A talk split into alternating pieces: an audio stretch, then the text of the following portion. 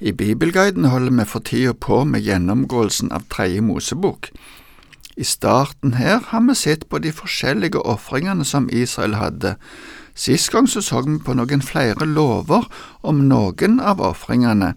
Det fortsetter vi med i dag når vi går over til kapittel sju. Først er det skyldofferet som det skal sies litt mer om. Det leser vi om ifra vers 1 til 10. Dette er loven om skyldofre, Høyhellig er det. På samme sted som brennofferdyret slaktes, skal skyldofferdyret slaktes. Blodet skal presten stenke rundt om på alteret, og alt fettet skal han ofre, fetthalen, fettet som dekker innvollene, begge nyrene med fettet ved hoftemusklene og leverlappen som han skal ta ut sammen med nyrene. Presten skal la det gå opp i røyk på alteret som gaveoffer for Herren, dette er skyldofferet. Alle menn som er prester kan spise av det, på et hellig sted skal det spises, høyhellig er det. Med skyldofferet skal det være som med syndofferet. Samme lov gjelder for dem begge. Det skal tilhøre den presten som gjør soning med det og den presten som bærer fram et brennoffer for noen, skal få skinnet av det offerdyret som han har båret fram. Ethvert grødeoffer som bakes i ovn, kokes i gryte eller stekes på helle, skal tilhøre den presten som bærer dem fram. Men alle andre grødeoffer, enten de er blandet med olje eller er tørre, skal tilhøre alle Arons sønner, den ene like mye som den andre. Forskriftene for skyldofferet er i det vesentlige de samme som for syndofferet. Kjøttet fra skyldofferet skulle presten som foretok ofringen ha, skinnet skulle presten òg ha. På brennofferet var skinnet det eneste som ikke ble brent, presten fikk det som si lønn. Når det gjaldt grødeoffer, skulle presten ha det som ikke ble brent opp. Alle prestene skulle dele dette likt imellom seg. Vi fortsetter nå med lovene om fredsofferet, og vi leser ifra vers 11 til 21. Dette er loven om fredsofferet som blir ofret til Herren. Dersom noen bærer det fram som takkoffer, skal han sammen med takkofferet bære fram runde, usyrede kaker med olje i, usyrede flate brød smurt med olje, og fint mel som er blandet med olje og knadd til kaker. I tillegg til kakene skal han bære fram syret brød som sitt offer, sammen med takkofferet og fredsofferet. Av ofrene skal han gi ett av hvert slag i gave til Herren. Det skal tilhøre presten som stenker blodet av fredsofferet på alteret. Kjøttet av et fredsoffer som er takkoffer, skal spises samme dag som det bæres fram. Ikke noe av det må bli liggende til neste morgen.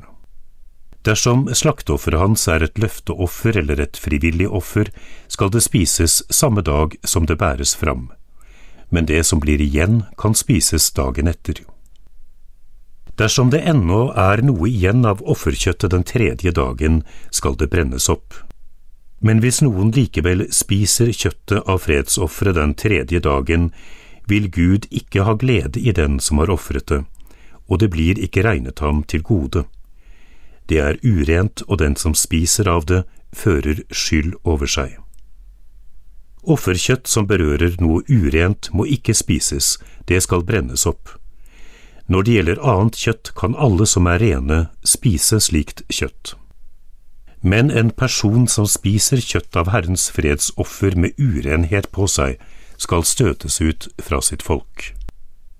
Når en person berører noe urent, enten det er urenhet på et menneske, eller det er et urent dyr eller noe annet urent og motbydelig, og han så spiser kjøtt av Herrens fredsoffer, da skal han støtes ut fra folket sitt. Fredsofferet, eller takkofferet som det òg kalles, bestod gjerne av både bakverk og et dyr. Her nevnes tre slags bakverk, ett av hvert slag skulle brennes på alteret, og resten skulle den presten som sto for ofringen, ha. Når det gjaldt kjøttet, var det et måltid der både presten og de som ofra det, skulle spise. Det var òg vanlig at dette offeret ble løfta og svinga som for å vise det framfor Herren i en erkjennelse av at gaven kom ifra Han, og en måte å takke Herren for gaven. Det var et takkoffer, det skulle spises samme dag som det ble ofra. Men i dette avsnittet nevnes to andre lignende offer, det vil si at det var egentlig bakgrunnen for offeret som var litt forskjellig. Det kunne være at noen hadde lova at de skulle ofre noe hvis en bønn gikk i oppfyllelse. Det er et løfteoffer, og så var det snakk om frivillige offer, som var generelle offer i takknemlighet. I disse tilfellene kunne de spise av kjøttet i to dager, men det som eventuelt ble igjen til den tredje dagen, skulle de ikke spise. Det måtte brennes opp. I dette avsnittet sto det òg litt om sammenhengen mellom offeret og urenhet. Hvis noe av offeret kom borti noe som var ureint, kunne de ikke spise det, og personer som av en eller annen grunn var ureine, skulle heller ikke spise av disse ofrene. Lovene om urenhet kommer vi tilbake til senere i kapitlene 11 til 15. Vi leser noen vers til, ifra vers 22 til 27, som er noen flere lover angående offeret, og det gjelder alle offer. Herren sa til Moses, Si til israelittene, dere skal ikke spise fett, verken av okse, sau eller geit. Fettet av selvdøde dyr og av dyr som er revet i hjel kan brukes til hva som helst, men dere må aldri spise det. For hver den som spiser fettet av dyr som det ofres gaveoffer av til Herren, skal støtes ut fra folket sitt. Dere må ikke spise blod, verken av fugl eller fe, hvor dere enn bor. Hver den som spiser noe slags blod, skal støtes ut fra folket sitt. Fettet av offeret skulle være offer og ikke spises, når det gjaldt fettet av sjøldøde dyr, skulle heller ikke det spises, men det kunne brukes til forskjellige ting, ettersom de så mulighetene, men det skulle aldri ofres. Alt blod var det også forbudt å spise. Nå leser vi resten av kapittelet fra vers 28 til 38. Herren sa til Moses, Si til israelittene, den som vil bære fram et fredsoffer til Herren, skal komme med det offeret han vil gi Herren av fredsofferet sitt. Med egne hender skal han komme med det som et Herrens gaveoffer. Han skal komme med både fettet og bryststykket, og bryststykket skal svinges som et svingeoffer for Herrens ansikt. Presten skal la fettet på alteret gå opp i røyk, men bryststykket skal Aron og sønnene hans ha. Det høyre låret skal dere gi presten som gave av fredsofferet deres. Den av Arons sønner som bærer fram blodet og fettet av fredsofferet, skal ha det høyre låret som sin del.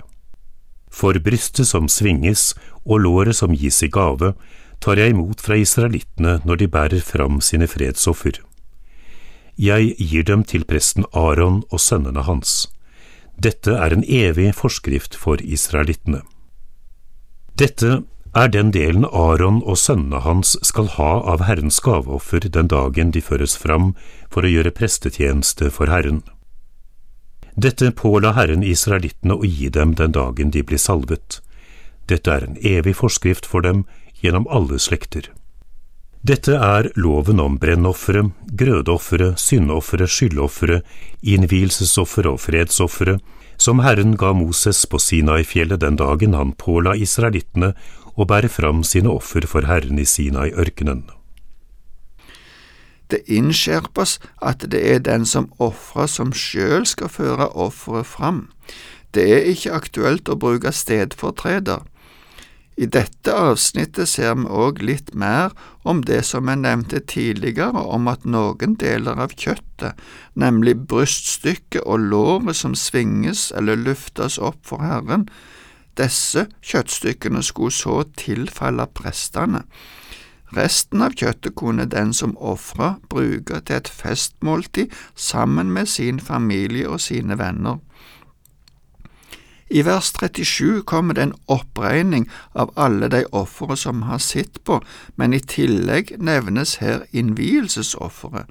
Det har ikke blitt nevnt tidligere i kapittelet, men det var det spesielle offeret som ble gitt når Aron og sønnene ble innviet til prester. Det er utførlig nevnt i Andre Mosebok kapittel 29, og vi skal se i neste kapittel at det blir utført på Aron og sønnene hans. Det siste verset understreker at det var Gud som ga disse lovene om ofringer. Brennofferet, grødeofferet og fredsofferet taler om den fulle hengivelse og helligelse til Herren, slik at en kunne ha samfunn med nådens Gud.